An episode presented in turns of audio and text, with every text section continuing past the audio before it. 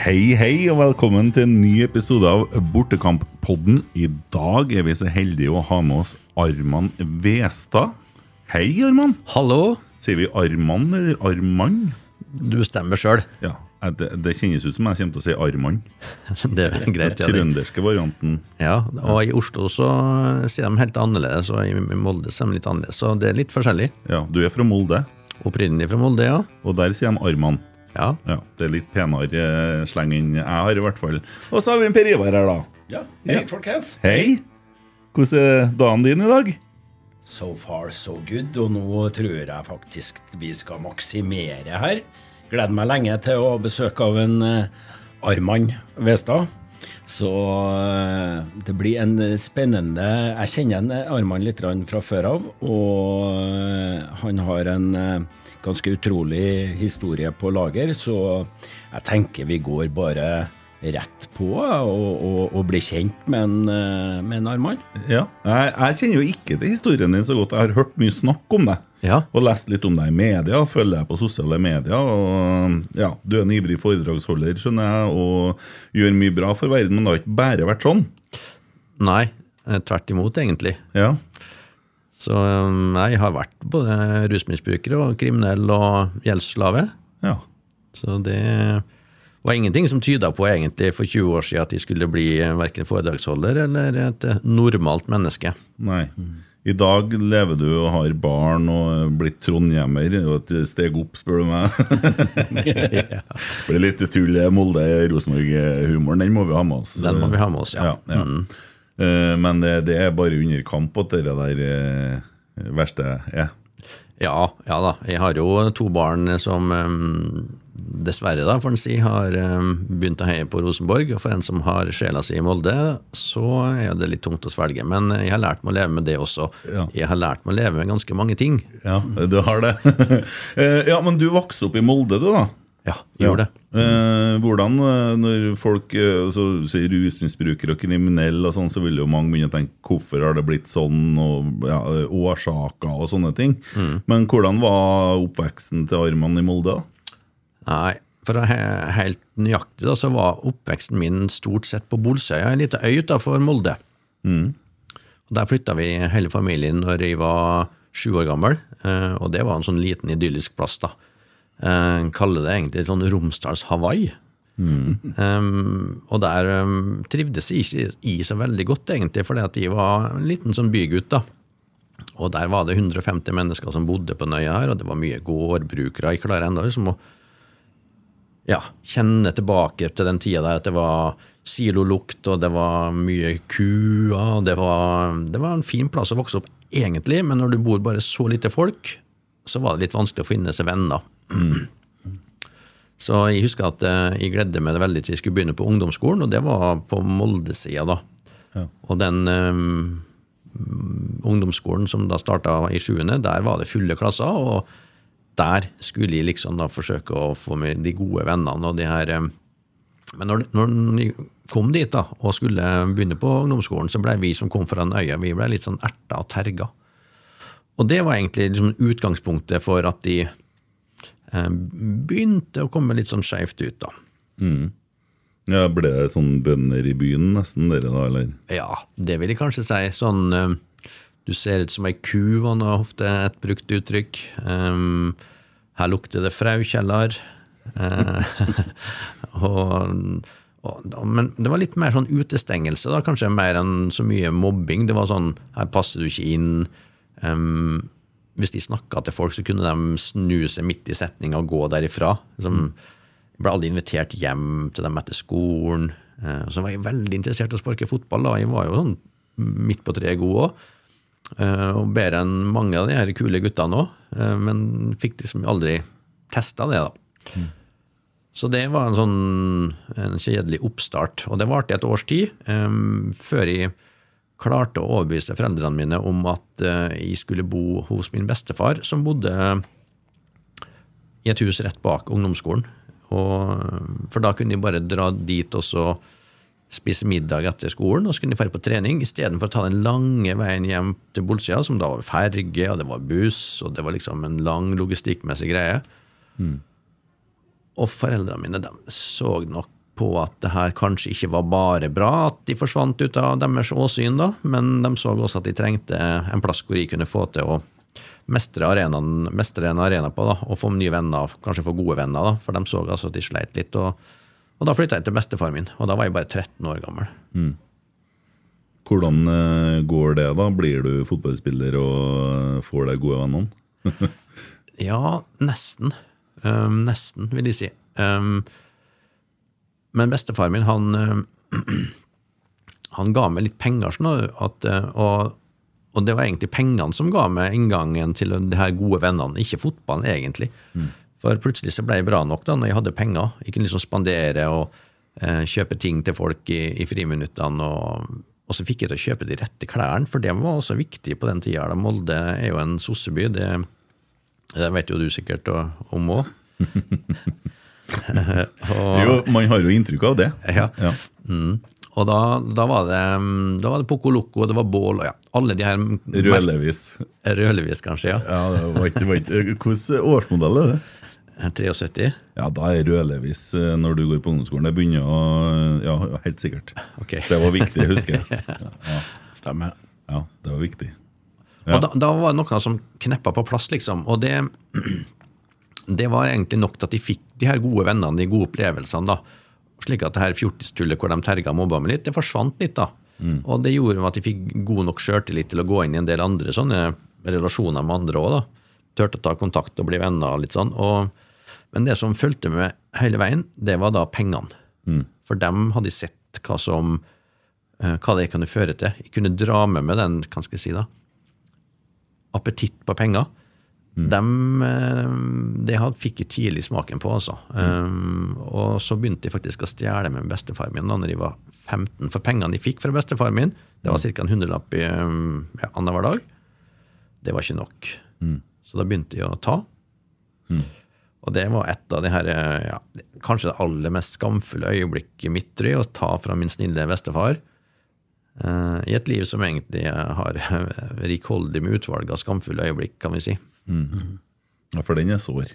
Ja, den er sår, ja. Og så mm, turte han aldri å konfrontere meg heller, da.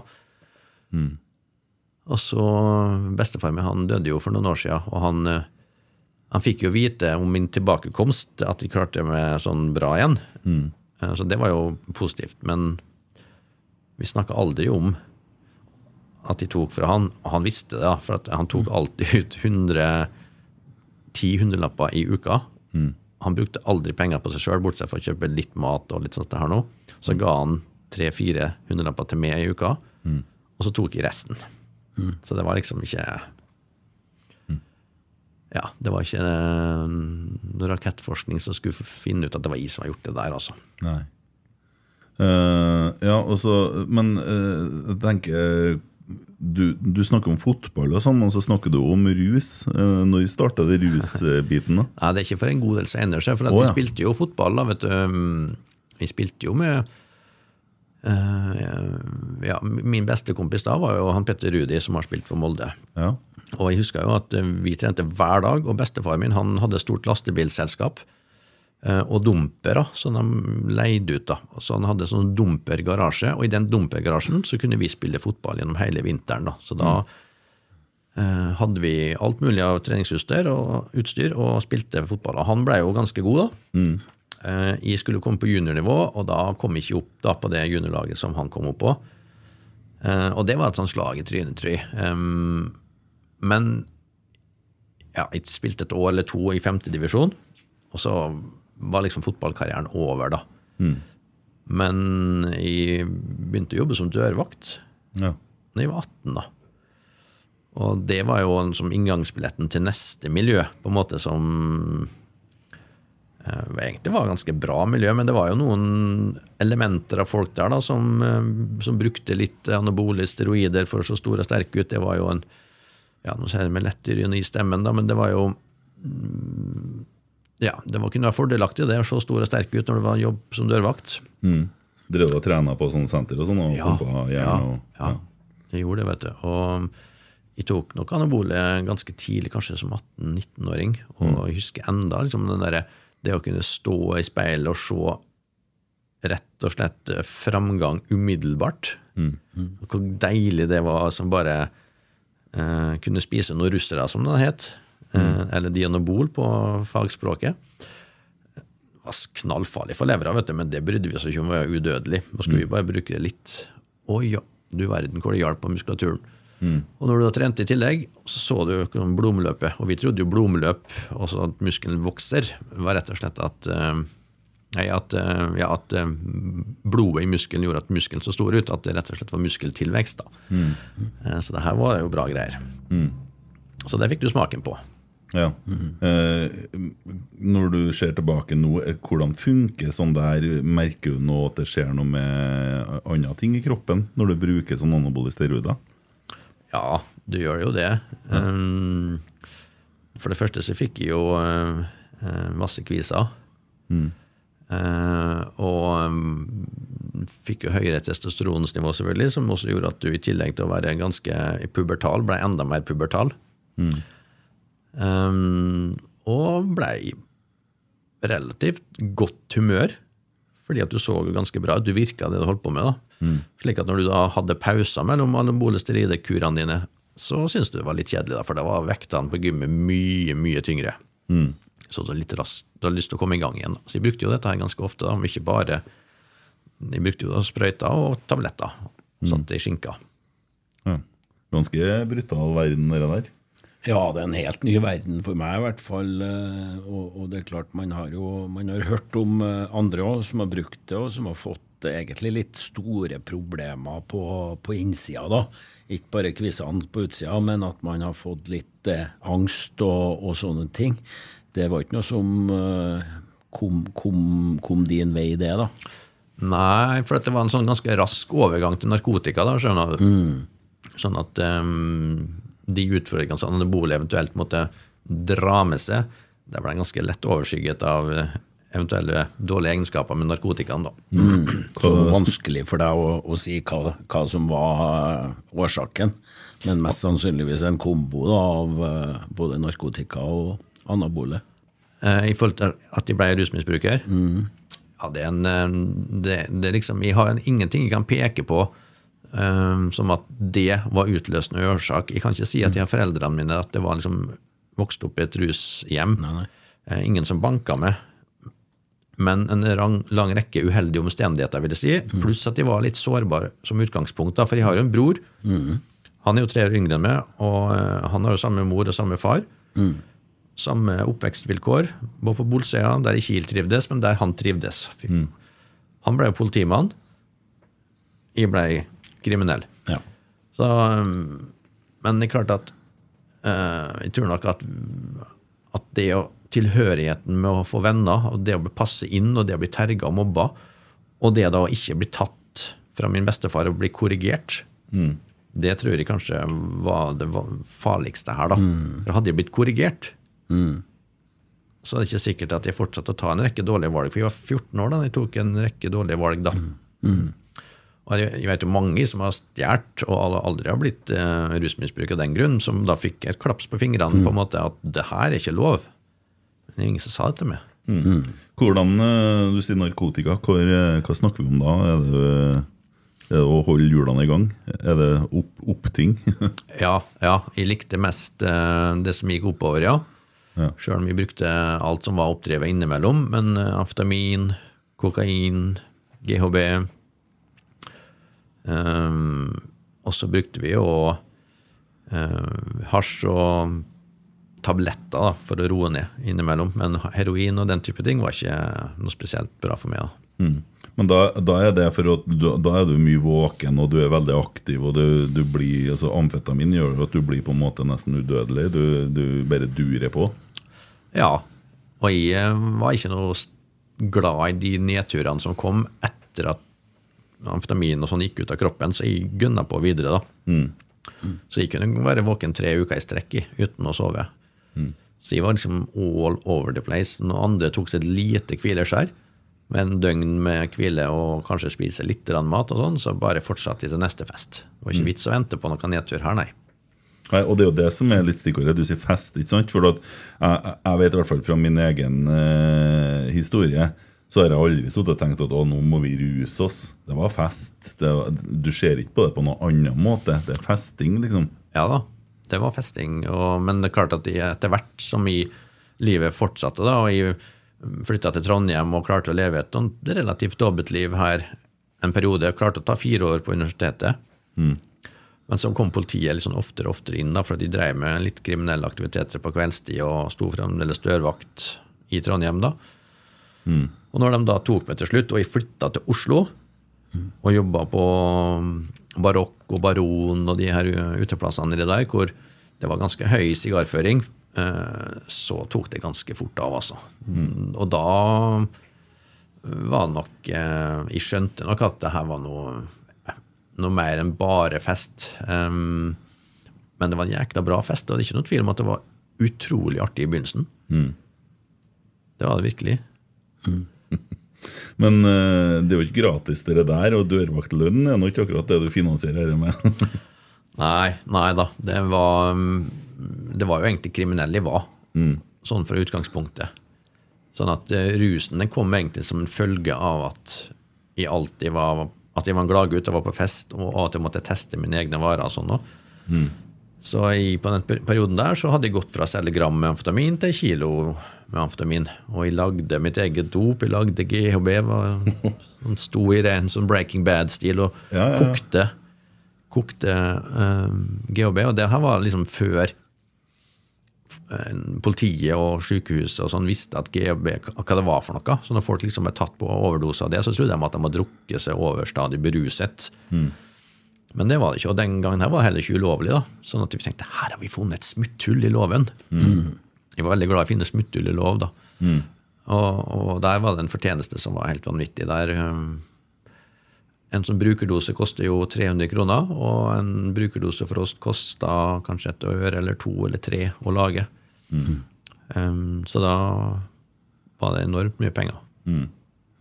Så da lever du eh, luksuslivet, du, da. Tja, feil å si at jeg kjøpte aldri noen dyre biler. Jeg kom aldri så langt opp i verdikjeden, på en måte, men eh, det var jo mye turer, mye utenlandsturer, mye fester. og Jeg elska jo å spandere, det, og det henger jo ja, det heng, hang tilbake fra liksom tida da jeg var 14-15 år og, og likte å spandere på de her guttene som var så kule. Vi så liksom at det var, det var min greie, da. Og det har jeg liksom tatt med meg eh, inn i voksennivået når jeg var kriminell. Da. Jeg elska å spandere. Jeg elska å få høre at åh, nå kommer han gavmilde armene. Nå blir det gøy. Nå blir det artig her. Og det kunne jo gå litt for langt av og til. At jeg kunne jo ha med meg um, et, ja, en 100 gram med kokain, og så skulle jeg tar du alltid en cut sjøl før du skal selge, det. som du skal ha selv, Men jeg kunne jo ta ganske dramatiske kutt og gi bort. Så her, ta noen gram, da. Når du skal selge i etterkant. Da, Åh, her var det litt lite igjen, gitt.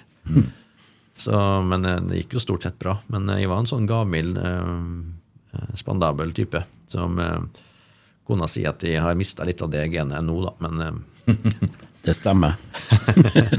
Men Vi eh, kommer tilbake til det. ja, for når du, når du har det 100 grammene, så er det du selger det for noen? Eller har du kjøpt det på forhånd? ja, da var det ofte sånn at du har kjøpt, eller krita, da. Av, I de tilfellene, for i starten så var det sånn at du fikk krite først, da. Og så betalte du når du har fått solgt unna. Havner du i gjeldssituasjoner da?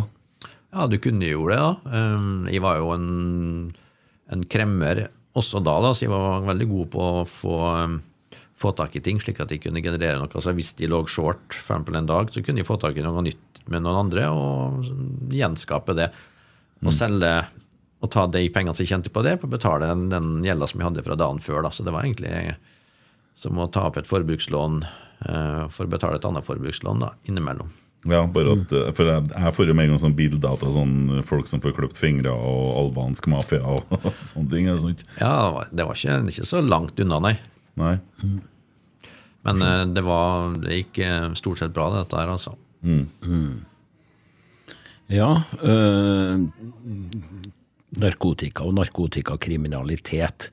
For øh, dem som googler Arman, øh, får opp også en annen type kriminalitet som du i hermetegnet kanskje er mest kjent for, da, en, en stor sak i Norge. Da tenker jeg selvsagt på Orderud-saken. Mm. Hvordan eh, kan du fortelle oss hva, hva skjedde der, og hva, hva, hvorfor havna du i, i den saken? Det var en, egentlig bare tilfeldigheter, sånn som det dette livet innimellom, da. Men eh, vi, vi var jo sammen en altså Vi kunne være en sånn på fest, så kunne vi være 50-60 stykker på en fest. Og så kunne vi feste sammen i to-tre dager, og så kunne festen begynne å løses opp. Um, før noen ti gikk bort på neste fest, og ti gikk der, og ti gikk hjem og sov. Og sånn gikk nå festlivet, da. Og da, da kjenner du ganske mye folk etter hvert. I hvert fall hvis jeg var med på alle festene. Og, um, og da møtte jo jeg ei som heter Kristin Kirkemo Haukeland på en av de festene. Hun var jo ei feine, flott dame og hadde mye gode egenskaper som vi satte pris på, husker jeg. Og da um, ja, begynte jeg å henge litt med henne. Og det er jo sånn at uh, det er jo ingen som Jeg vet at du lurer på hvem er du kjæreste nå, da, sikkert. Spør, lurer du på Per Ivar. Det var ingen som spurte om vi skulle være kjærester der. Det var ikke noe sånn. Um, men vi er jo ganske tett en liten periode, da. Og hun spurte om vi kunne skaffe våpen til henne. Og jeg var jo very much in love, tror jeg.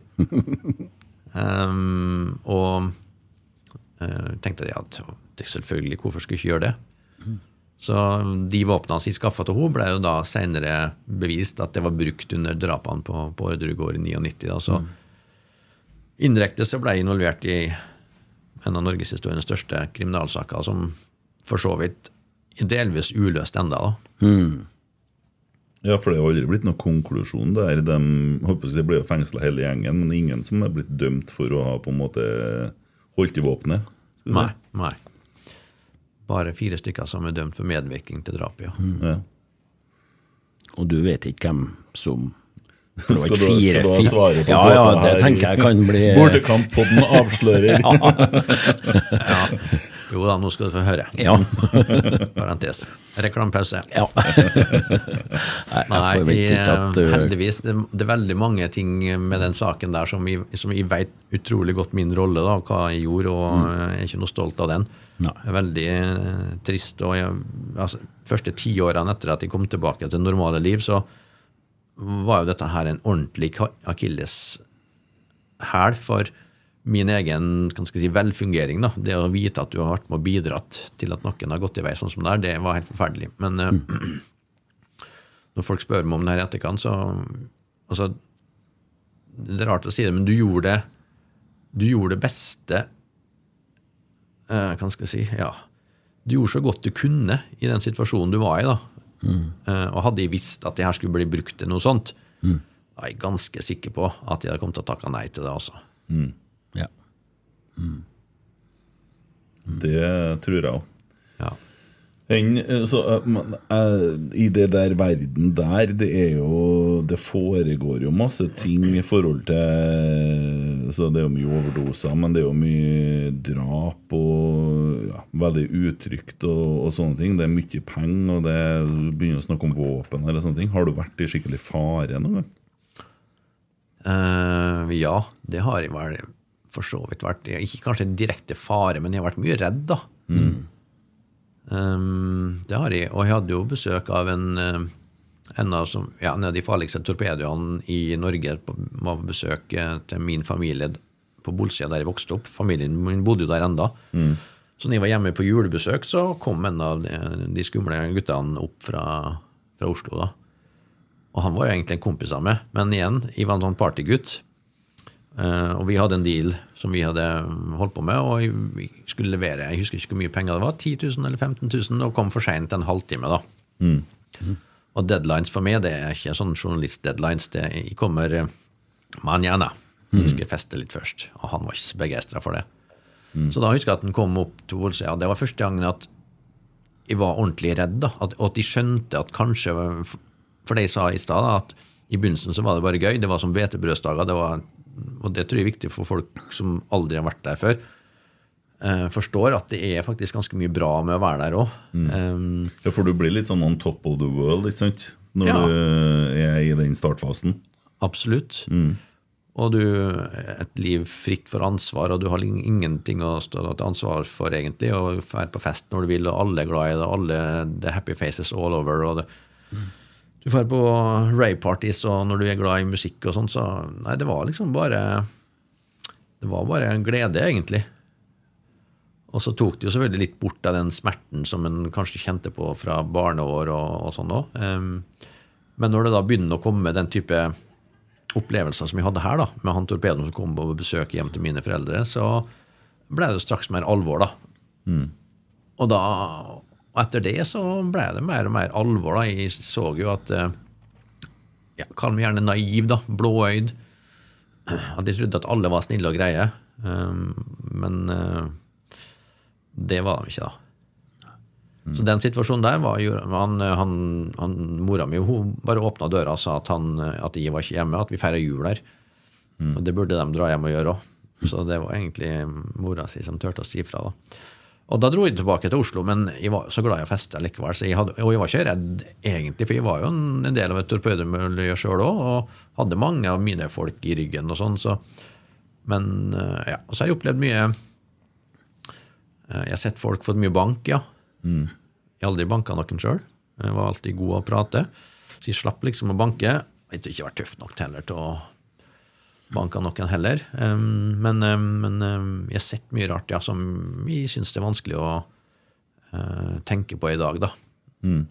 Der folk omtrent har mista livet sitt banka i hjel. Ja. Jeg har jo en uh, lillebror som uh, havna i samme livet, men uh, atskillig tyngre, kanskje, for det Jeg har inntrykk av at du er på en sånn måte Det her er sånn party-gladgreie. Men så har du på en måte noen steg ned, og så sitter du med nåla, og det blir Ja. Da, og, og, han var i den verden der. Han mangler en finger i dag. Jeg tror det for at han skyldte noen noe penger. Det nivået, liksom. Den klipper fingeren av deg. Da er du redd, altså. Ja. ja. da er du redd. Og det um, uh, Jeg slapp jo heldigvis det, da. Jeg har jo alle lemmer intakt. Eh, og har ingen som var på jakt etter meg etter at de var ferdig med det livet heller. Um, men det betyr jo ikke at du ikke har tanker om at du kan bli innhenta. Ja, er det sånn når du sitter og prater nå, du tenker at noen, av, noen hører på, eller at det er folk følger med hvilke bevegelser du gjør fordi at du vet noe, eller ja. Nei. Nei. Nei. Nå, nå er det så lenge siden at det, Men hadde det vært for 15 år siden, kanskje, når det var fem år siden at de kom ut, så kan det jo hende at de hadde tenkt noe sånt. Men øh, nå, eh, og hvis det er noen, så er ikke redd for dem heller, uten at de trenger å si at de er sånn tøff. Nei, men jeg er bare, jeg er bare ikke jeg er vant til å håndtere de følelsene. Jeg forstår. Når når du bunnen, Arman? Å. Ja. Nei, altså, det var ikke så lenge etter det her, eh, den Orderud-saken, da. For når den Orderud-saken kom, så, så brukte jo egentlig den saken for å Ja, for da hadde jeg begynt å ruse meg ordentlig mye. Sånn at min kriminelle business, den var blitt eh, ja, ødelagt litt, fordi politiet tok meg oftere og oftere, og jeg var, begynte å bli sluppy pga. rusen. Ja, men bare spør, Når de tar deg, som du sier, da bæres det inn i avhør, og så må du inn og sitte i varetekt. eh, Har du soninga underveis her òg? Ja, litt sånn, ja. Men veldig lite sånne på dom, da. Men Ja. sånn fire ukers varetekt eller tre dager på glattcelle. For når du blir tatt da med ti gram eller 50 gram eller noe sånt, så blir du jo tatt. Og blir du tatt med mer enn 10 gram, så blir du jo ofte på varetekt, da. Men mm. jeg var ganske god på å ikke ha så mye på meg, da, men de tok meg oftere og oftere, da. Men, eh, men den Orderud-saken, den, den tenkte jeg at ok, når jeg først ble involvert i den, da skulle jeg bruke den til noe positivt. Og det var altså styrke med eh, i det kriminelle miljøet. Da, sa fra til VG og Dagbladet at de gjerne vil stille opp for å fortelle min side av saken. For da hadde jo alle blåst meg i saken uansett. Alle hadde fortalt mitt navn. Mm. alle de som jeg fikk våpen med, alle de som eh, ja, I Orderud-saken. De har sagt at det er en Arman, det er en Arman. Så tenkte jeg ok, da kan jeg i hvert fall gå ut og fortelle min side av saken. Så, og det gjorde jo faktisk at jeg gjenvant litt av den tilliten i det kriminelle miljøet, og omdømmet mitt tok seg opp litt igjen. Eh, og det var Orderud-saken som gjorde. Og faktisk så var, gikk, det ryktet gikk foran med mye mer enn hva som egentlig jeg hadde fortjent òg. Og noen av de ryktene var ikke sant i det hele tatt. Jeg hørte sånn i etterkant, når jeg kom tilbake til det normale livet, at noen etterforskere hadde sagt at ja, men det er noen, det er noen her som har sagt at når du kom på besøk, så var de livredde. Mm. Og de sa også at de, du, de, ble satt i kjelleren bakbundet. Eh, og det var flere som har sagt at det er jo bare løgn. Mm. Eh, så, så, da tenkte jeg ja, ja. Det ryktet gikk ganske fort foran. Men det jeg hadde glemt, da, det var jo at politiet gjorde også at de ble mye mer interessert i meg nå, når jeg var en del av Orderud-miljøet. Mm. Mm. Og de, nå tok de ikke på meg med silkehansker lenger. Altså. Nå var det ofte, ofte, ofte de tok med. Med grunn, og av og til uten grunn. Og det var på et sånt nivå at de hata politiet så inderlig at de tenkte hvis de får en politimann foran meg, så kan det faktisk hende at det er en de skulle banka opp. Hvis de skulle klart å banke opp noen, så skulle de klart det. Mm. Um, så jeg flytta til Bergen for å komme liksom unna politiet, men det hjalp ikke det der, for de, de var jo der òg. Politiet i Bergen, politi Bergen også, ja. det, det, var rart, det der. Og jeg sto jo som dørvakt der òg, i Bergen. Og jeg husker en gang når politiet kom Nei, det var en lørdagskveld, stappfullt med folk i kø inn på Riks der nå. og uh, Jeg sto og dirigerte køa, og da, når, du er gammel, når du er kriminell, så skjønner du med en gang at bybildet etter annet som er ikke helt som det skal være. Og da ser jeg noen som beveger seg på en litt sånn rar måte, har på seg noe annerledes klær og sånn. Fem stykker, går i samme tempo. Og så skjønner jeg ti meter før de står foran meg, da, at her er sivilpoliti. Mm. Og det var det. De grisearresterte meg og satte meg på glattcelle. Og de hadde ingen annen eh, tiltale mot meg enn at de trodde at min samboer hadde stjålet en 74-modell boble. Mm, som, og lurte på om jeg hadde vært med på det. Mm. Ganske liten forseelse for en såpass eh, alvorlig hendelse som de gjorde da. Mm. Eh, og det var ikke hun i hele tatt. De kunne jo bare ha dratt hjem og spurt henne istedenfor å spørre meg. Mm. Og akkurat den hendelsen gjorde at de mistet jobben på Riks, da, som sikkert var deres eh, mål. Mm. Eh, og jeg husker jeg hata politiet så inderlig. Altså. Så etter det her òg, så satt de, ble tatt på nytt, den gang med ordentlig, med ordentlig mye narkotika. Og da, da, var jeg egentlig på mitt bunnivå. Husker jeg inn i millenniumsåret inn i 2000. Mm. Da prøvde jeg å ta livet mitt på, på cella der, faktisk. Hva ser du da? Hvordan da? Drikke Zalo. Oi. Yes. Det, var et, det, var ikke et, veldig alvorlig forsøk. Men jeg, jeg, jeg husker at jeg var så fortvila der. For da for da følte jeg meg fullstendig mislykka. Jeg hadde liksom jeg hadde ikke fått til noe de siste årene, og jeg skjønte at jeg var så glad i narkotika at jeg klarte meg ikke uten. Mm. Og det betydde at jeg ikke tålte de her nedturene og alt det her. At, og nå hadde jeg en ordentlig nedtur da jeg satt der, selvfølgelig. Og um, kunne liksom se alle andre utafor fengselsmurene, hvor de var glad og fornøyd med det nye årtusenet. Jeg så for meg, jeg hadde jo en gutt da sjøl, en sønn som jeg hadde fått når jeg var 22, mm. som jeg hadde selvfølgelig mislykkes å være en god pappa for. Um, og da var det tungt å sitte der, da. Og så hører vi til historien at de også hadde fått med samboeren, som også ble fengsla. Mm. Og hun eh, satt jo da eh, egentlig uskyldig på CSL eller noe sånt i Bergen fengsel. da. Og det å vite at du har fått med henne inn der òg, um, og det gjorde at de da måtte, for at hun skulle komme ut, så måtte de liksom snakke, si, gi et eller annet innrømmelse til politiet. da. Men de gjorde ikke det, da. Um, og da prøvde jeg liksom å drikke Zalo, husker jeg. Eller noe grønnsoppe. Eh, for vi hadde ganske fine celler da, eh, med eget bad og greier, og der sto det noen sånne småtteri av vaskeutstyr. da, og eh, Jeg pleier å si at i etterkant jeg holder foredrag og sånn, at, at ikke engang det å ta livet mitt klarte jeg. da. Og det tøyt Zalo rundt munnen min, sånn såpebobler omtrent. Men jeg hadde i hvert fall fengselets reneste gulv, da, om ikke annet, etter den episoden der. Men herregud, det, du må jo bli fryktelig dårlig til Ja, og det, jeg klarte ikke å drikke mye av dette her. Du bør tenke at du klarer, det stopper seg sjøl. Ja, det. det. er mer sånn se meg, vi ja. trenger hjelp. Ja. For det kom tro på om hjelp. Jo på, ja, det var et rop om hjelp, egentlig. Altså. Og jeg husker at livet var fryktelig urettferdig, da, for de hadde jo egentlig ikke Jeg var jo bare egentlig en liten gutt da, som forsøkte å passe inn liksom, for 15-20 år siden der. Mm. Og tenkte at det var urettferdig. Men jeg tenker på det eh, i forhold til eh, Du bruker jo øh, ganske mye tunge stoffer, og kroppen din blir jo vant med det, og så blir du jo arrestert øh, hyppig. Eh, kommer du i noen abstinensfaser og sånn når du sitter på glattcellen og sånne ting? For det er jo Når du Eh, brekker ja. av, for det, du får jo ikke muligheten Du har jo ikke noen tilgang når du sitter inne. Ikke i varetekt, nei, men i fengsel. Så når vi satt på dom, så satt vi, brukte vi litt. Men nei, altså jeg brukte jo aldri heroin, da. Men jeg brukte jo vi brukte å sprøyte på amfetamin så de siste årene. Så, og det gjør jo at du blir veldig avhengig. da. Ja. Så jeg husker da at, at eh, det var ikke noe lurt eh, å bli tatt, for da mista du selvfølgelig tilgangen, og jeg var ikke noe god på å takle nedturer. Men eh, jeg var etter hvert så klarte jeg liksom å lære meg de her teknikkene. Ok, jeg skal sitte i 48 timer. Det er det de har lov til liksom, før du må liksom varetektsfengsle deg. Og mest sannsynlig så gjør de ikke det.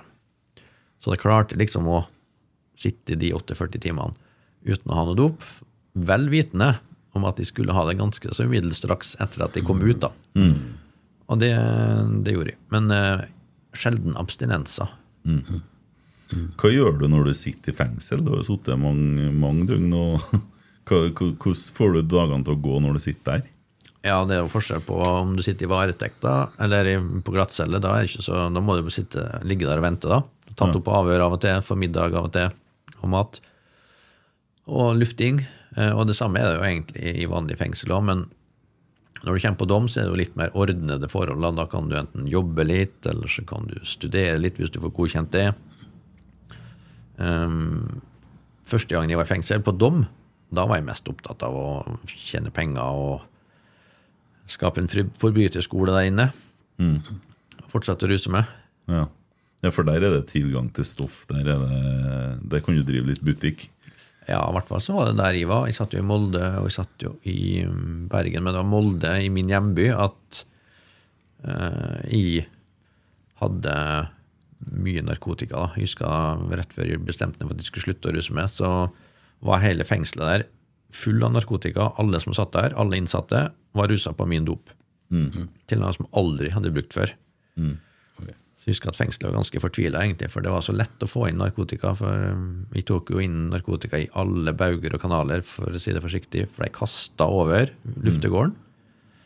Mm. Vi hadde det i hulrom i kroppen, og vi hadde andre typer måter å få det inn på. da. Du har tjent penger der òg, du. Ja, Da var jeg nok mest opptatt av å spandere, da, men um, det var nok litt uh, penger der òg, ja. Skjønner. Ja, tilbake til nå bunnen. Ja. Hvordan du, du drikker den Zaloen, og det, det skjer jo et eller annet med deg en eller annen plass der hvor du tenker at nå har jeg fått nok, nå skal jeg snu. Ja, og jeg, jeg tenkte jo kanskje det at det, akkurat i den perioden i millenniumsåret at jeg skjønte at hvis jeg ikke gjør noe nå, så kommer jeg til å dø. Det var et sånt rock bottom, egentlig. Det er vanskelig å forklare med noe annet enn at kroppen sa fra at det her kan du ikke fortsette med mye lenger. For da Det klarer du ikke. Det kommer til å stoppe opp. Og da, men jeg så ikke noen mulighet for hvordan jeg skulle klare å komme ut. da. Jeg trengte jo hjelp. Mm. Så når jeg kom ut igjen fra, fra den varetektsperioden, så flytta jeg hjem til Molde. Fortsatte å være kriminell og rusmisbruker. Aller, aller mest rusmisbruker.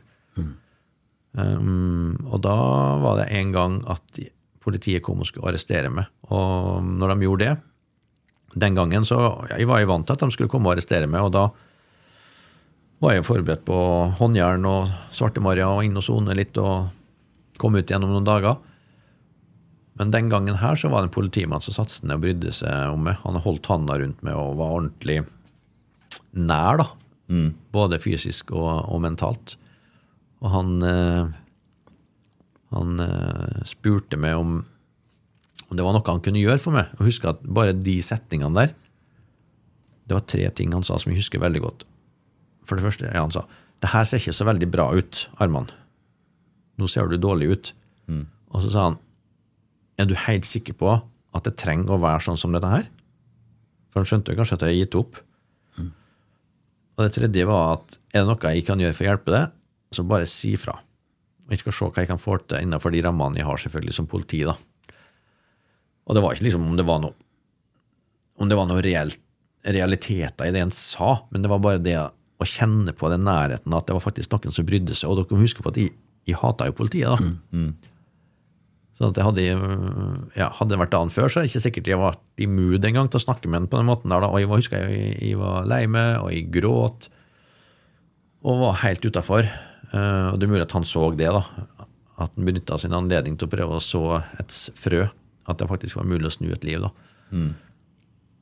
Og det, den møtet, det møtet bare varte i et kvarter, og det var ikke sånn at han ikke arresterte meg, for det var jo en avsagt hagle der, og det var jo trusler som var kommet inn, det var litt derfor han hadde kommet òg, og det var masse penger der, og det var narkotika og brukerutstyr. Narkoreir, rett og slett. Så han tok jo med og arresterte meg og satte meg på glattcelle. Men det var bare måten han gjorde det på, som var helt annerledes. Og da skjønte jeg at jeg hadde en verdi. Og da ble det lettere for meg å bruke den, si, den historien og den, varmen som han skapte i meg, når jeg møtte neste viktige person i min si, rehabilitering. da. Um, For den politimannen med ti minutter det er jo ikke nok til å snu et liv, men det var nok til å så en spire i meg om at jeg var verdt noe. Og da var jeg, var jeg på angrepssida egentlig, da, og jakta på egentlig sånne folk som kunne hjelpe meg å, å snu livet mitt. Ja. Fant du det? Ja da. Og det var i Molde-fengselet der, det, da. Og der var det Som vi sa, de var ganske fortvila over meg, for at de var jo en som lagde mye opp, Ikke opprør, men mye ugagn, da. Og Mette, hun som jobba i fengselet, hun var fengselsinspektør eller betjent, husker jeg ikke helt. Hun så jo at de hadde mye kvaliteter, og hun, hun tok med meg ut og gikk i Moldes gater uten håndjern, uten vakter, uten noen ting. Og det her var rett etter hun- Og så sa hun til meg at du, kanskje du skal bli Vi ser at du liker å hjelpe folk, sa hun først, da. For de hjalp veldig mye folk inne i fengselet. Vi hadde jo litt ressurser, for jeg hadde jo klart å gå ferdig noe på universitetet og likte å skrive og var ganske god på det. Og hjalp alle fangene med å skrive søknader. Om alt mulig. De var drittlei av alle de søknadene som de måtte svare på. Det kan de love dere. Men eh, da sa hun at kanskje du skal bli sosionom, da. Og jeg bare tenkte først jeg tenkte wow, at de skal ta livet av henne. Hvordan kan hun foreslå at jeg skal bli sosionom? Eh, Men hun hadde jo fått en sånn respekt hos meg og Mette, da, vet du, lille vevre Mette, at jeg stolte litt på henne. Mm. Og da gikk vi stille i gatene der en stund, da. Og, og så sa jeg til henne ja, jeg skal bli sosionom, og jeg skal bli verdens beste sosionom, sa jeg til henne. Ropte ut i Moldes gater. En Ganske bold kriminell. Men det var egentlig knekkpunktet. Så fra etter det så hjalp hun med å komme i gang med rehabiliteringa utafor Molde fengsel. Og jeg ble sosionom, og for så vidt resten er historie, da. Ja. Eh, Rehabiliteringa, hvordan rehabilitering går det på? Jeg var i eh, Oslo fengsel på noe som heter Stifinneren, som er um, en eh, rehabiliteringsavdeling for innsatte som vil noe seriøst, da. Som vil snu livet sitt. Um, som er i regi av Tyrilistiftelsen. Så der var jeg i åtte måneder før jeg var ferdig der, og så kom jeg på Tyrili på Lillehammer. Var der i tolv måneder. Åtte-ti-tolv måneder. Og flytta hit til Trondheim og starta på Sosialhøgskolen. Ja. Og da er du gjennom alt det her med erkjennelse av rusmisbruk og masse sånne ting. Går den graden der i forhold til å bli rusfri? Ja. Ja. Det er litt av en reise, det òg, da. Ja da, det um, Og det gikk ganske fort òg. Jeg brukte ikke lang tid. Det var sånn speed-rehabilitering, egentlig. Men eh, jeg hadde jo begynt prosessen ganske mye tidligere. da. At jeg, ville, liksom- jeg visste hva jeg skulle gjøre, men jeg klarte liksom ikke å ha trua på at jeg skulle få det til.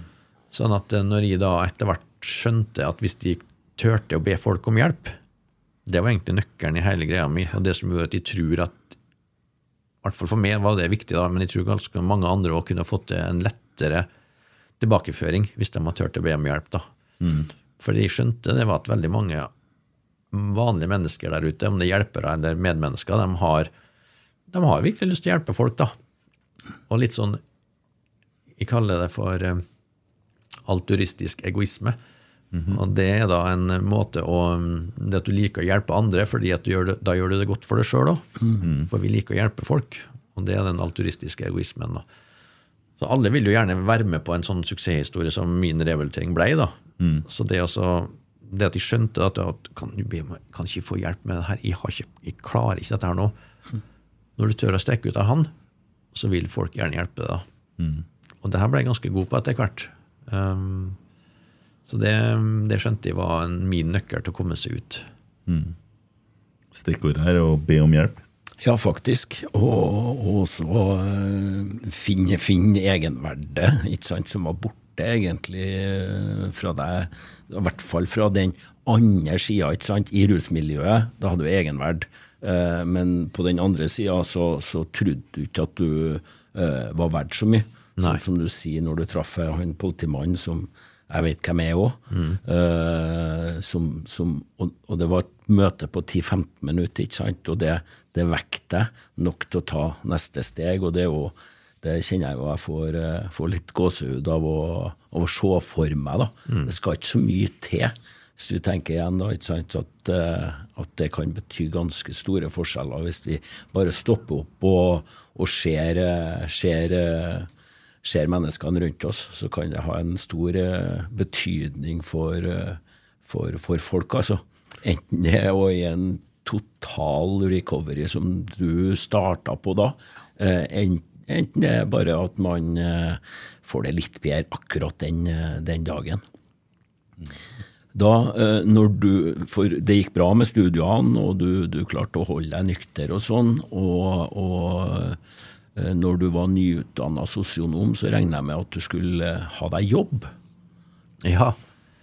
ja, og det var jo heller ikke sånn Det var jo neste steg. Ja. Og det var noe jeg grudde meg veldig til, da, for at jeg hadde jo ingen eh, CV som er så inn å ha en god CV. Jeg hadde jo et rulleblad. Den var mm. riktignok til gjengjeld ganske stor. Og et stort hull. jeg husker at det var en, og, ja. Jeg, jeg drev og data ei dame på den tida der, og hun hadde jo en pappa som var politimann.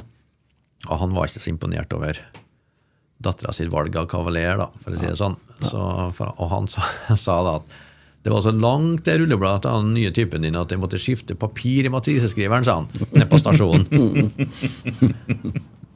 og det, jo, det forteller egentlig litt, da.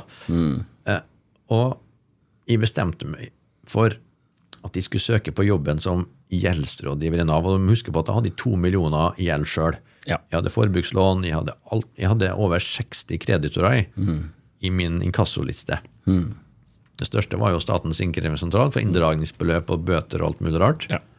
Men også mye lånekasse og alle slags forbrukslån. Så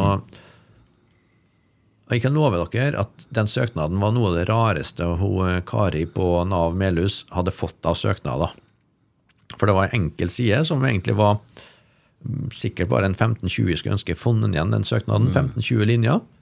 Og så var det masse vedlegg. Og vedleggene var Google-utskrifter. Ok.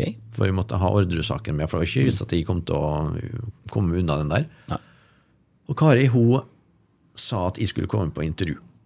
Og det, jeg vet, jeg snakka med dem på Melhus i etterkant, og det var ganske mye motstand mot at jeg skulle helt og skulle få komme på intervju. Men Kari hun klarte å få ut det beste av meg på intervjuet. Og syntes jeg hadde en eh, Jeg vet ikke hva slags uttrykk hun eh, brukte, men jeg kan godt tenke meg at hun sa at det var en variert og spennende bakgrunn. Ja. og lurte på hvordan jeg skulle bruke den bakgrunnen min til å hjelpe andre mennesker. Da. Og hvordan skal den bakgrunnen du har, og det du har lært i det livet du har levd, da Hvordan skal det hjelpe oss i Nav med å løse vårt samfunnsoppdrag, og hvordan skal du klare å hjelpe folk med gjelda? Mm.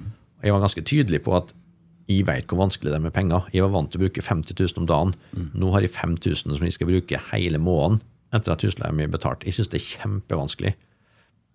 Men jeg lover det, jeg har blitt flinkere med det.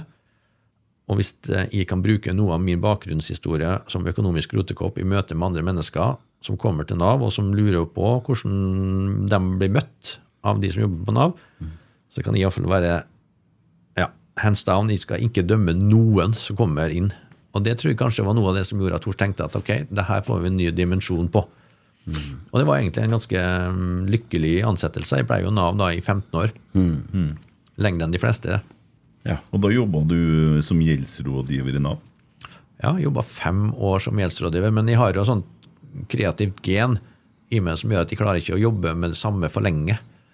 Eh, sånn at jeg var alltid en sånn prosjektmann som søkte om ulike midler. og sånn. De siste fem årene så var jeg nasjonal prosjektleder for personlig økonomi i Nav. Så jeg reiste rundt og lærte opp over 50 Nav-kontor hvordan de skal snakke med sine brukere da, om penger når de blir arbeidsledige, når de blir syke og alt dette her nå. Ja, gjorde, satte i gang masse økonomikurs rundt omkring i Norge. Og, og samtidig med at du holder på med det, så sitter du og håndterer noen kreditorer med venstrehånda sjøl mens du jobber. Ja, ja, jeg gjorde egentlig det. Jeg var ferdig med min gjeldsordning, da, for jeg fikk gjeldsordning i 2010. Ja. Um, og det som mange ikke veit, da, det er jo at uh, i 2004 så Jeg fikk gjeldsordninga i 2005 eller 2006. Så holdt de på å få gjeldsordninga mi annullert. Fordi at de klarte ikke å betale det de skulle til mine kreditorer. For når du får gjeldsordning, så er det sånn at ok, da får du leve på et minimum i fem år. Du betaler det du har til overskudd, altså det du har over en viss sum sjøl. Det betaler du til dine kreditorer. Men jeg klarte ikke å betale den summen som jeg hadde til overs. da. Jeg klarte ikke å spare opp den. Jeg brukte det opp. Jeg, frem, jeg hadde ikke lært noe om penger. Så selv om jeg har gjort alt riktig i rehabiliteringa, så hadde jeg ikke gjort noe om penger. Så når folk spurte meg hvordan, ja, hvordan går det med pengene, Arman? Du som er vant til å bruke så mye penger. Nei, det går bra. Pengene, det var så vanskelig, det. At de turte ikke innrømme at de trengte hjelp til akkurat det. Jeg tenkte bare for en gjeldsordning, så vil alt løse seg. Jammen tok jeg feil, altså. Skammelig feil. Så da sa Lindorf at nå blir din ordning annullert. Du ligger 15 000 på etterskudd. Og da måtte jeg ta den vanskelige valget da, om jeg skulle ringe til mitt gamle kriminelle miljø og få tak i de 15 000. Eller jeg ringer til min mor og spør om å få låne de 15 000. Begge valgene var ganske vanskelige. Kanskje det er en hakket vanskeligst å ringe til min mor, men jeg valgte å gjøre det. da. Og da skjønte jeg hva som skjedde. Hun sa at det her må du rydde opp i nå. Du må lære deg å leve på lite penger nå, da. Fikk pengene, gjorde som mor sa. Lærte meg å leve på lite penger. Og med den kunnskapen så gikk jeg inn i, inn i Nav. Og det var også litt av det jeg formidla til Kari på jobbintervjuet. Mm. Du har jo egentlig eh, brukt ordet pengeskam eh, offentlig også. Og du var nå egentlig kanskje litt ramma av den pengeskammen der sjøl, eh, sånn som det høres ut som. Du tok tak i det som tilsynelatende kanskje er vanskeligere og tøffere utfordringer, men den der økonomien, den torde du nesten ikke å, å, å ta tak i, og, og du var i hvert fall ikke åpen rundt det, og du, du bare håpa egentlig på det beste, og så ja, øh, var det jo ikke helt sånn.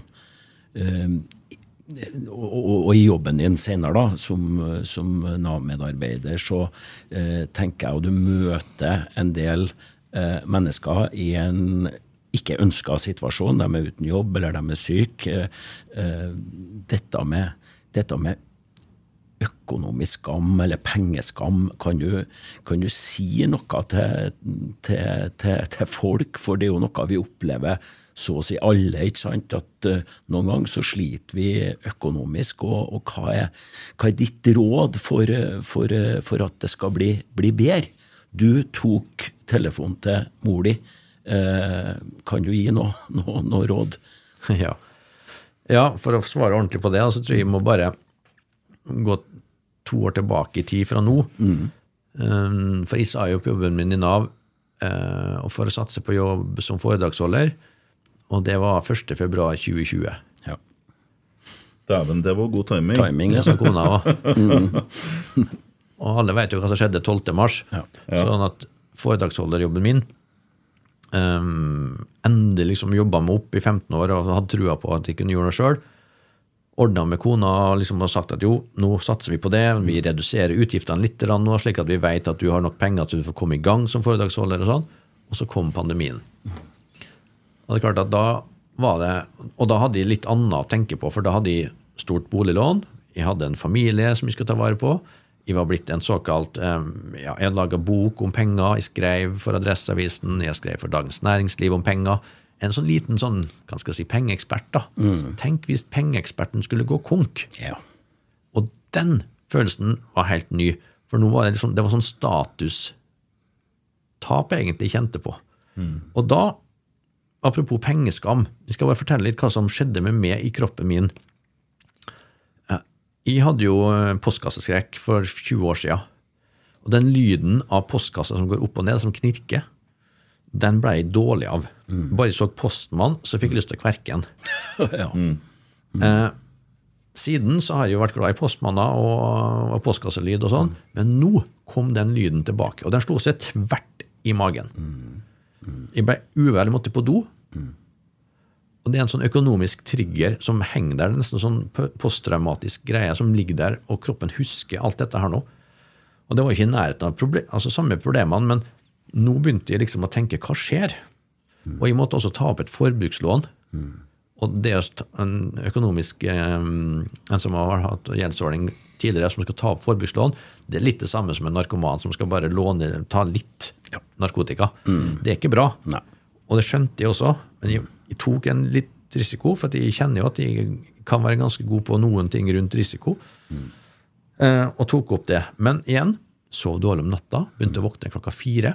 Vi kaller det for ulvetimen, mellom fire og fem, hvor du ligger og kjenner på at, at angsten tar tak i det, og du er helt naken, bokstavelig talt, for du klarer ikke å avbryte tankene dine med å sette på TV-en eller ringe til en kompis. eller sånn. Du ligger der og tenker. Og så har du ikke annet valg til slutt, at du må stå opp. Og jeg husker at jeg turte ikke engang å gå innom badet, for da så jeg speilbildet av meg sjøl. Det ville jeg ikke se på. Gikk ned, satt, satt meg ned i stolen og venta på at ungene skulle våkne og kona skulle våkne, og sånn, og jeg var ikke i bra form, altså. Og skulle da ut i hverdagen og forsøke å, forsøke å få nye foredrag og sånn. Det var ikke lett. Det var en god venn, det var en god pappa, det var en god eh, samfunnsborger, da. Smilet til dem jeg møtte. Det var ordentlig strevsomt. Og jeg husker til og med at eh, det å skulle bestemme seg for hvilken type middag han skulle ha det, Jeg klarte ikke å ta valg. Jeg klarte ikke engang Og det her er bare hvor absurd det er. Det er sikkert ikke så mange som kjenner seg igjen i det her, men jeg har noen maskuline parfymer i skapet hjemme. De mest maskuline turte jeg ikke ha på, for det kledde dem ikke. For jeg følte meg så svak. Så det går liksom utover, det går utover hele greia. Altså, altså den skammen Jeg turte ikke se meg sjøl i øynene. Jeg turte ikke se kona og barna i øynene. Eh, tatt opp forbrukslån, til og med. Nei, det skam, det er mm, utrolig ekkelt. Men så ble jeg jo redda igjen, da. At jeg klarte å hente fram igjen de her egenskapene mine, som å tørre å be om hjelp. Og jeg gjorde det på en litt annen måte. Jeg skrev en kronikk i Adresseavisa og sa at eh, livet mitt var veldig vanskelig nå. Er det noen andre som kjenner det på samme måte? Og det gjorde jo at jeg fikk masse feedback på at det er mange som kjente det på akkurat samme måte. Og det gjorde jo at jeg, altså jeg fikk et oppdrag i tillegg, da, um, som var verdt noen tusenlapper fra et foredrag, som igjen ble annullert senere, da, men det var ikke så viktig. For det ga meg liksom trua på at det her kunne snu. da. Så det er små ting som skal til. Jeg ba om hjelp gjennom avisa nesten. Mm. Fikk en positiv opplevelse. Og så var jeg mye ute i naturen. Var ute og traff folk, og det var litt sånn krevende. Alle gikk med masker og sånn, sånn, så det var ikke så lett å få smil heller fra folk, men i hvert fall ute. Så det var mine, mine gode eh, helsehygieneråd. Jeg, jeg ser jo, jeg kjenner jo sjøl Jeg har jo hatt den postkassebiten. da Eh, Jeg tror jeg klarte seks år uten å åpne posten. Oi. Seks fulle år. Det, det ble jo konsekvenser av det. Eh, men eh, så ser jeg at eh, Jeg snakker jo med folk nå, har jo holdt på med foredragsvirksomhet sjøl, og ofte innen rus og psykisk helse og sånn.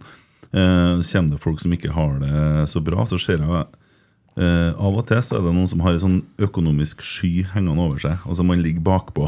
Veldig bakpå. Kanskje det er kredittkort. eh, Man sliter økonomisk. Og så, når du ligger bakpå og får penger fra de plassene du får penger, så er det på en måte sånn at de skulle jo ha betalt noe med, men du bruker dem for det er ikke nok til å betale hele regninga. eller sånne ting.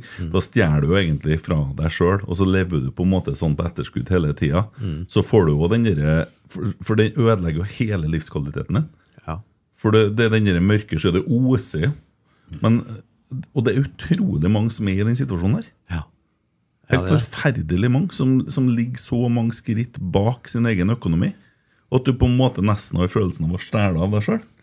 Og, og, og, og da, da Du mister jo alt av sinnsro og som du sier, nattesøvn. ikke sant? Du legger deg på puta om kvelden når du skal legge deg og sove, og du ikke har på skjerm, eller noe sånt. Så kommer jo på en måte det Da, da kommer jo virkelig tankene på besøk, for da er du, da er du naken. Og da kommer virkeligheten på besøk.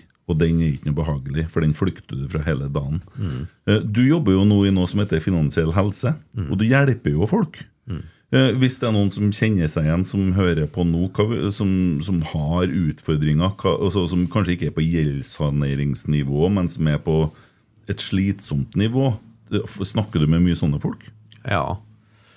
Og det er jo stadig flere av dem nå, da, selvfølgelig, hvor alle utgiftene har gått opp, både strøm og, og rente og mat og drivstoff og sånn. Og den inflasjonen gjør jo egentlig Jeg er litt sånn Det er ikke noen tvil om at det her er blitt veldig vanskelig, men inflasjon, all medietrykk og sånn òg, det gjør jo at vi, at vi blir litt, litt nedfor bare av den grunn, og vi leser at alt blir dyrere òg.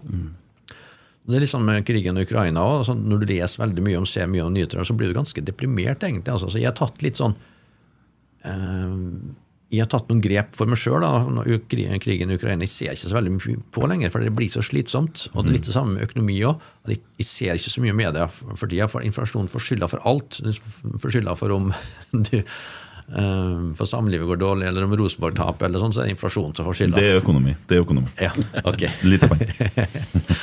Men dere skjønner poenget? At det, Ja. At, altså det, det fins muligheter å klare å leve relativt godt uansett, men du må bli mye flinkere med økonomien.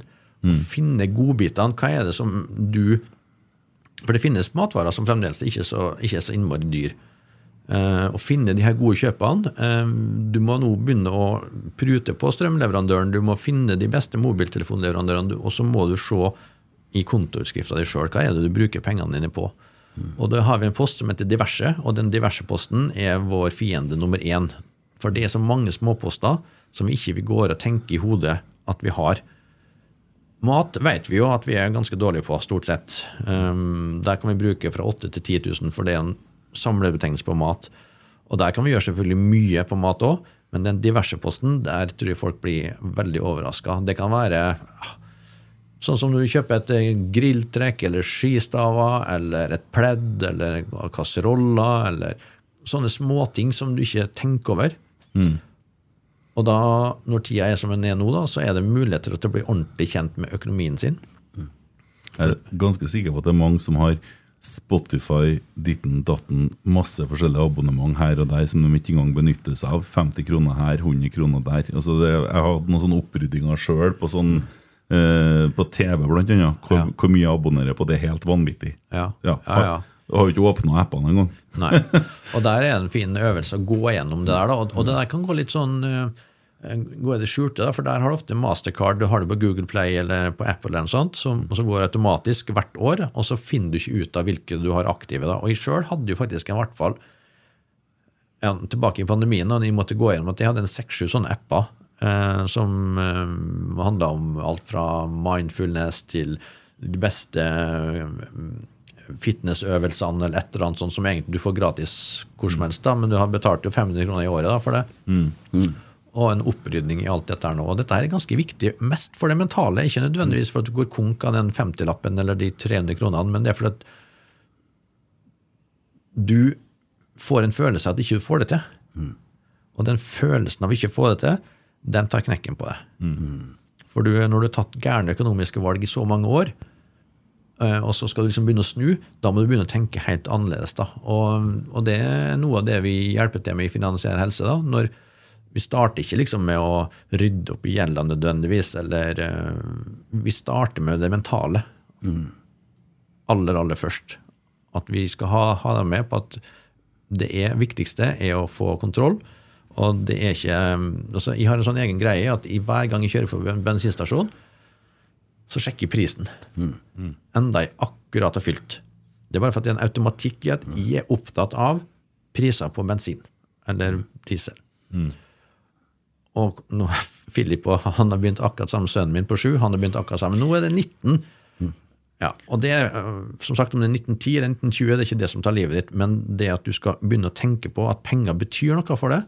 Penger er viktig, for ting som er viktig, tar du vare på. Hvis ikke ting er viktig for deg, så bryr du ikke om det.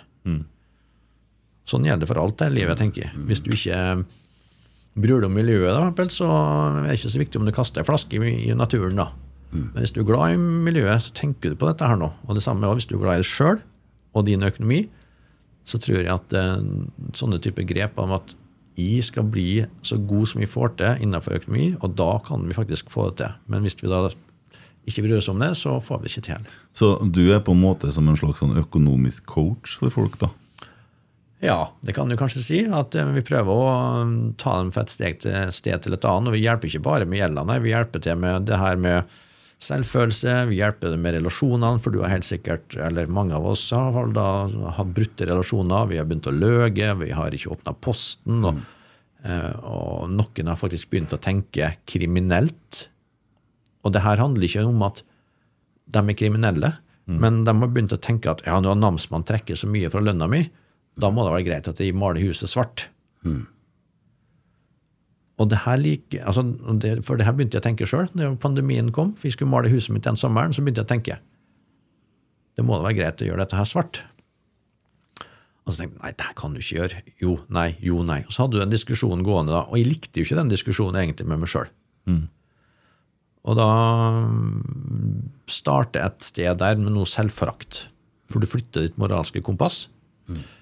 Og når du begynner å bevege deg med moralske kompasset og visjonene, eller ikke visjonene, men eh, Verdiene. altså, verdiene dine, da er det fare på ferde. Og Hvis ikke du da klarer å rekke opp hånda og si til noen vet du hva, nå trenger litt hjelp i, så er det faktisk noen som bukker under der.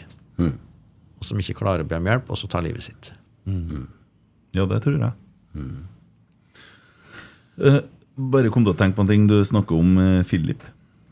Uh, vi snakka litt om det når vi var på besøk. Da. Du var i sånn eh, skjæringspunkt at du skulle uh, fortelle guttene uh, hva en pappa har holdt på med før de kom til verden.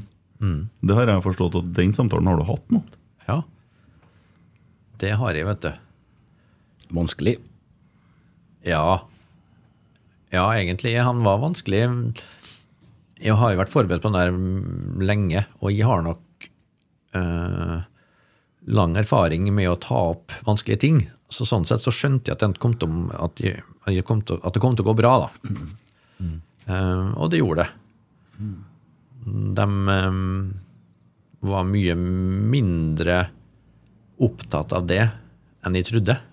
Jeg trodde de skulle bli mer sånn Hæ? Hva er det du sier for noe? Eller begynne å grine, eller eh, ikke forstå, eller ja. Men det var ikke noe sånt. Nei. Så godt. Ja. Ja, det var det. Men sånn, eh, for, for dem som ikke Hvor gamle er guttene dine? De er fem og sju år. Ja.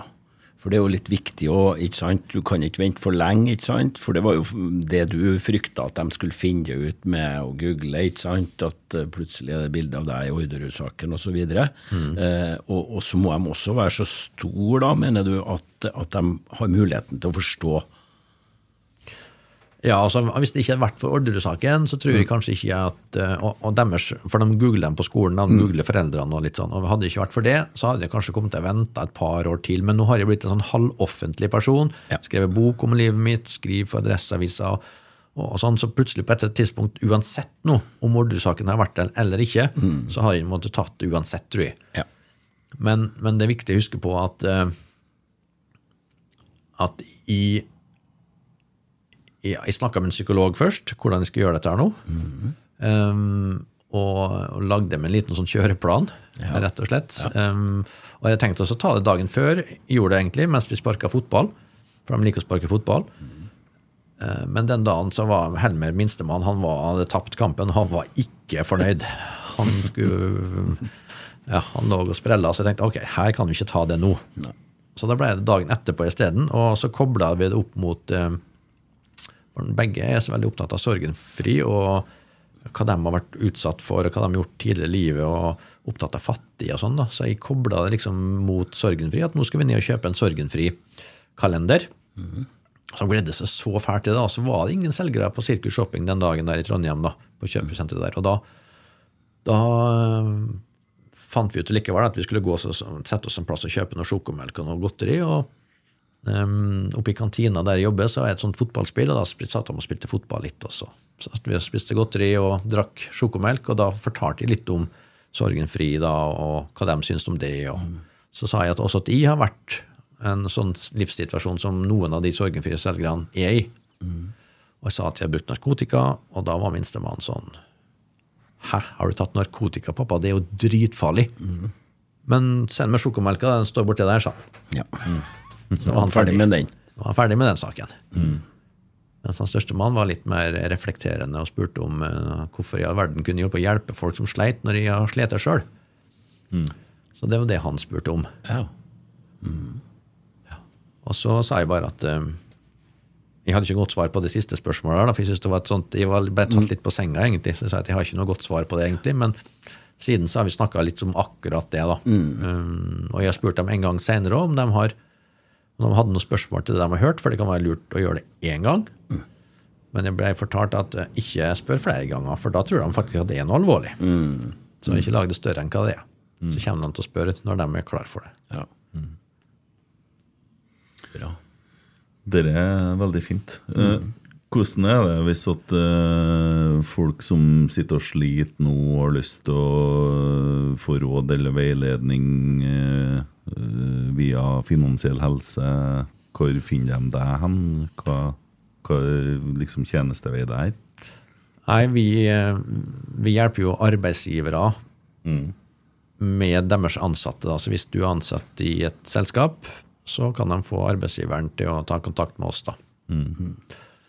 Vi, eh, det å hjelpe folk med dette nå er ganske kostnadskrevende også. Det er mye som skal ryddes opp i.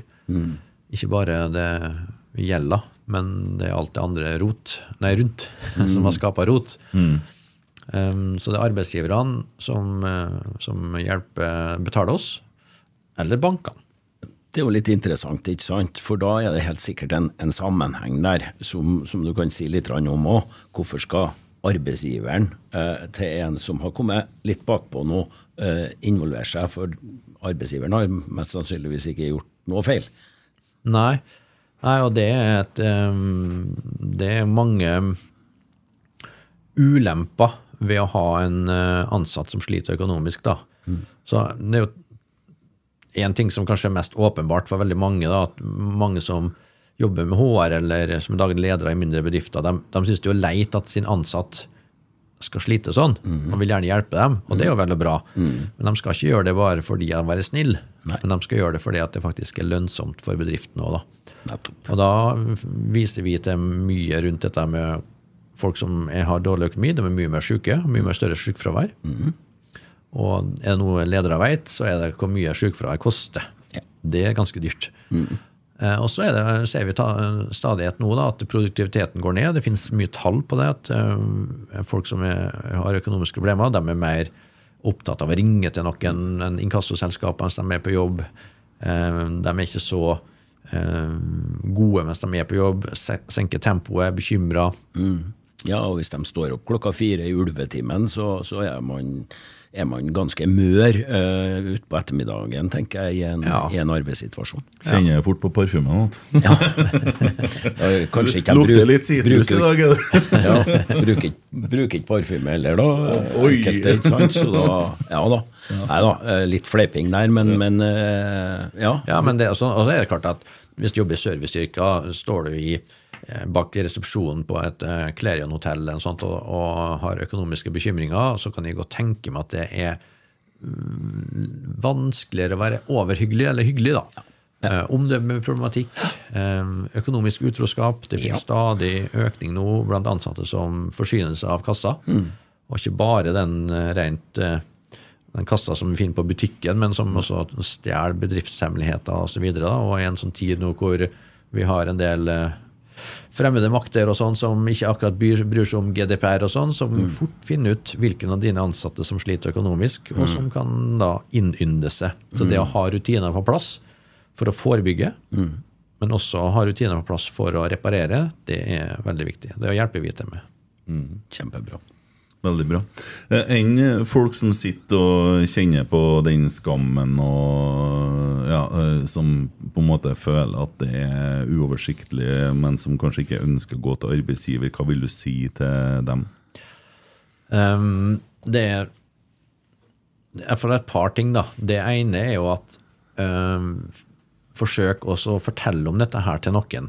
Og det kan være, det trenger ikke være en, det kan være en god venn. Det trenger ikke være en regnskapsfører som utdanning. Det er bare noen du stoler på, som du føler ikke vil ja, Som du tror vil forstå dette, her da, som vil støtte deg framfor å dømme det. Mm.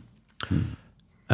Så noen vil gjøre det, synes at det er bra å snakke med noen som du kjenner, men det kan også være greit å snakke med noen du ikke kjenner i det hele tatt.